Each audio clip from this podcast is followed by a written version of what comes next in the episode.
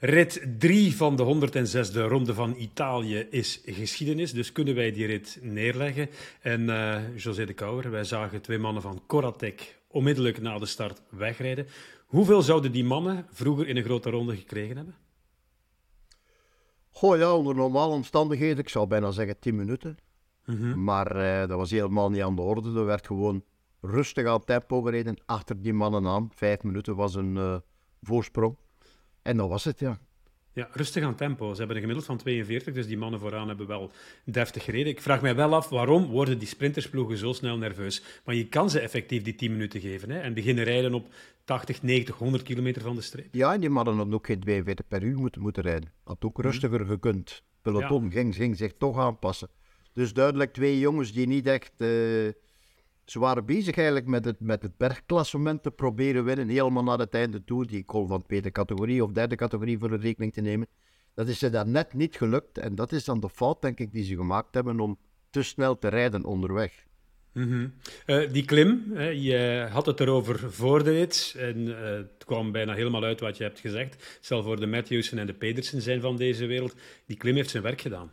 Ja, die heeft meer dan zijn werk gedaan. Echt. Uh, tot bij de klassementsrenners toe, bijna. Dus uh, ja, je ziet hoe nerveus het peloton wordt als er uh, toch het een en het ander op het spel staat.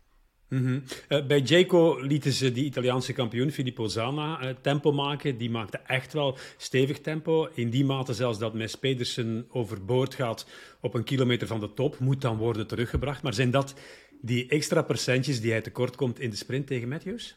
Ja, want eigenlijk was alles goed. Hè. Tot en met de laatste bocht, waar uiteindelijk Mollema nog uh, aan de kant gaat. Heel goed wordt ingeleid. Mm -hmm. Dus een goede Mets Petersen daar op niveau, uh, zou ik zeggen, uh, gaat toch meer kampen dan hetgeen nu gebeurde.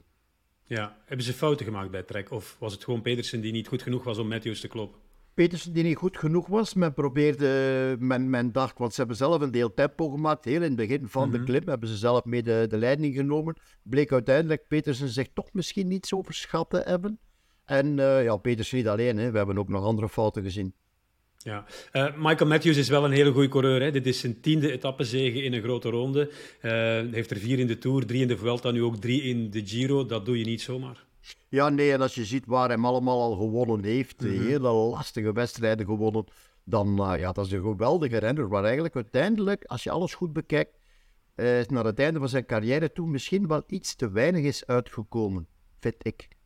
Mm -hmm. Hij heeft ook wel wat pech gehad hè, de laatste ja, jaren. Ja, ik weet het. Maar ik had uh, een jonge Michael Matthews, had ik eigenlijk verwacht in het Vlaamse werk, Vlaamse mm -hmm. wedstrijden. Uh, van het tweede slag zo'n beetje om toch te winnen, maar er is hem nooit toe, toe gekomen eigenlijk. Maar ja, wel een geweldige carrière voorlopig. Ja. Heb jij nog nooit samen met hem een vat gegeven of zo? Zou ik dat moeten doen? Om uh, een of andere ja, reden? Maar jullie verjaren maar met één dag verschil, dus jullie kunnen samen feestjes organiseren. Wij zouden samen feestjes kunnen, kunnen organiseren. Het probleem is, hij woont in Monaco. Ja, hij 25, eh, jij 25 september, hij 26 september. Maar er is wel een leeftijdsverschil. Hè. Hij wordt er nu 33 en jij 47, hè? Wordt hem. Ja. Uh, enfin, we hebben leuke dingen gezien onderweg. Er was een tussenspurt op 9 kilometer van de streep. En uh, Soudal Quickstep heeft na de klim de afdaling voor zijn rekening genomen met maar één doel. Dat is Evenepoel als eerste aan uh, die 9 kilometer laten passeren. Enfin, er was nog een tweede doel, hem in de veilige zone houden. Ja, misschien, misschien vooral in die veilige zone houden. Want, want als je er langs komt, langs Remco, dan heeft hij toch stress. Hè? Hij zit niet graag met volk rond hem. Hij, mm -hmm. hij, heeft graag ruimte. Dat hebben we duidelijk gezien. En dan komen die mannen van, uh, ja, helemaal naar het einde toe voor die tussensprint met Roglic. Die dan uiteindelijk niet meedoet, maar wel Remco een beetje nerveus maakt. Die dan 10 seconden neemt. Moet je dat doen? Dat mag. Dat kost hem geen inspanningen. Mm -hmm. Maar ik weet niet of Roglic hem daardoor niet een klein beetje prikkelt. Zo van, ik ben hier.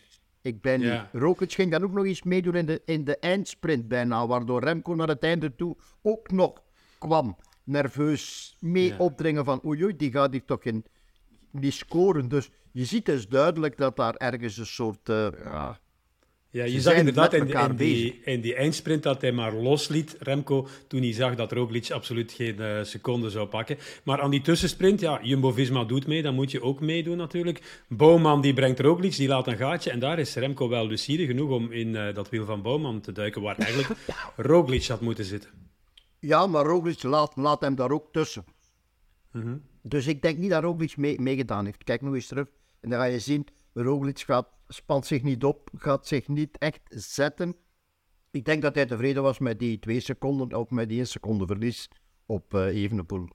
Ja, uh, gevaar loert op elk hoekje, hebben we gisteren al gezegd. Eh, dat zie je ook bij de ploegmaats. Pieter Serie is gevallen. We hebben van Renaat doorgekregen dat dat uh, gelukkig niet zo erg is. Maar ja. dat zijn factoren die ook gaan meespelen aan het eind van een verhaal van drie weken natuurlijk.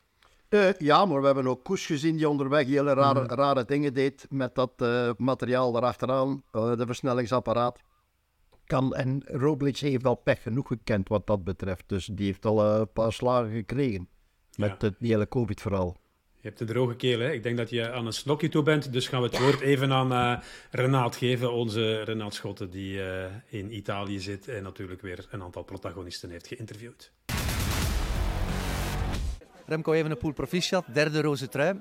Niet verwacht nogthans dat je zou meesprinten voor die bonificatieseconde. Nee, was ook niet het plan, maar uh, uh, vooraf heeft uh, Klaas me verteld als, als er een klassementsmannen voor willen gaan, dat ik mee mocht doen. Dus het is beter om dan een seconde meer te nemen dan er af te geven. Maar het, is, het, heeft geen energie gekost zoals het drie jaar geleden heeft. Allee, dat was een heel andere soort sprint dan met, met Egan.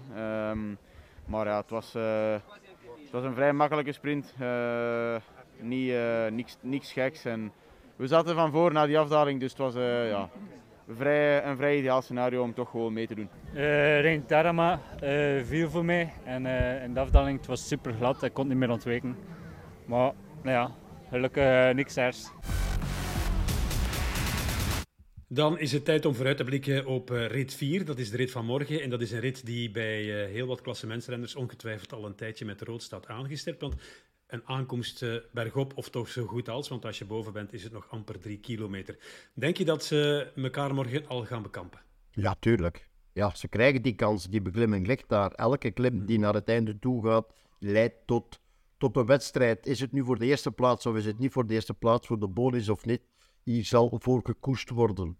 Is het niet rechtstreeks van Roglic en Remco Evenepoel, dan gaan er zeker anderen gaan. En dan moeten ze toch mee. Dus uh, nee, nee, er is koers. Ja, Lago La Sena, daar ligt, La Seno, daar ligt de aankomst. De klim is de Colimolella en die is uh, een kleine 10 kilometer lang. Stijgingspercentage een goede 6%, maar er zitten stukken bij naar het einde toe van 10, 11, 12%. Dat zijn de stukken waarop je elkaar al eens kan testen. Hè? Ja, dat gaan, dat gaan ze zeker doen. En al is het dan niet... Uh de twee grote rivalen, zo gezegd. Dan zullen er zeker andere, voldoende anderen zijn die gaan, die gaan proberen. Uh, mannen die gaan openen uh, mm -hmm. voor, voor eventueel, ja zeg maar, het maakt niet uit wie, maar die tweede, derde lijn die daar is, die mannen die nu gisteren tijd verloren hebben, die die tijdrit tijd verloren hebben, dat hebben ze allemaal. Dus die gaan zeker iets doen. Zeker. Ja. Zie je een uh, poging ook om de roze trui af te geven morgen, of gaat dat zelf moeten komen? Als dat gebeurt, dan moet dat ten eerste met de juiste renners zijn, met de juiste groep zijn. Mag ook niet te gevaarlijk zijn. En dan is nog maar de vraag of uh, Jumbo-Visma of andere kandidaten dat gaan toelaten. En er niet voor zorgen dat die groep net niet wegrijdt. Omdat, omdat ze rem... ritzegen willen eventueel. Ja. Omdat ze over ritzegen willen.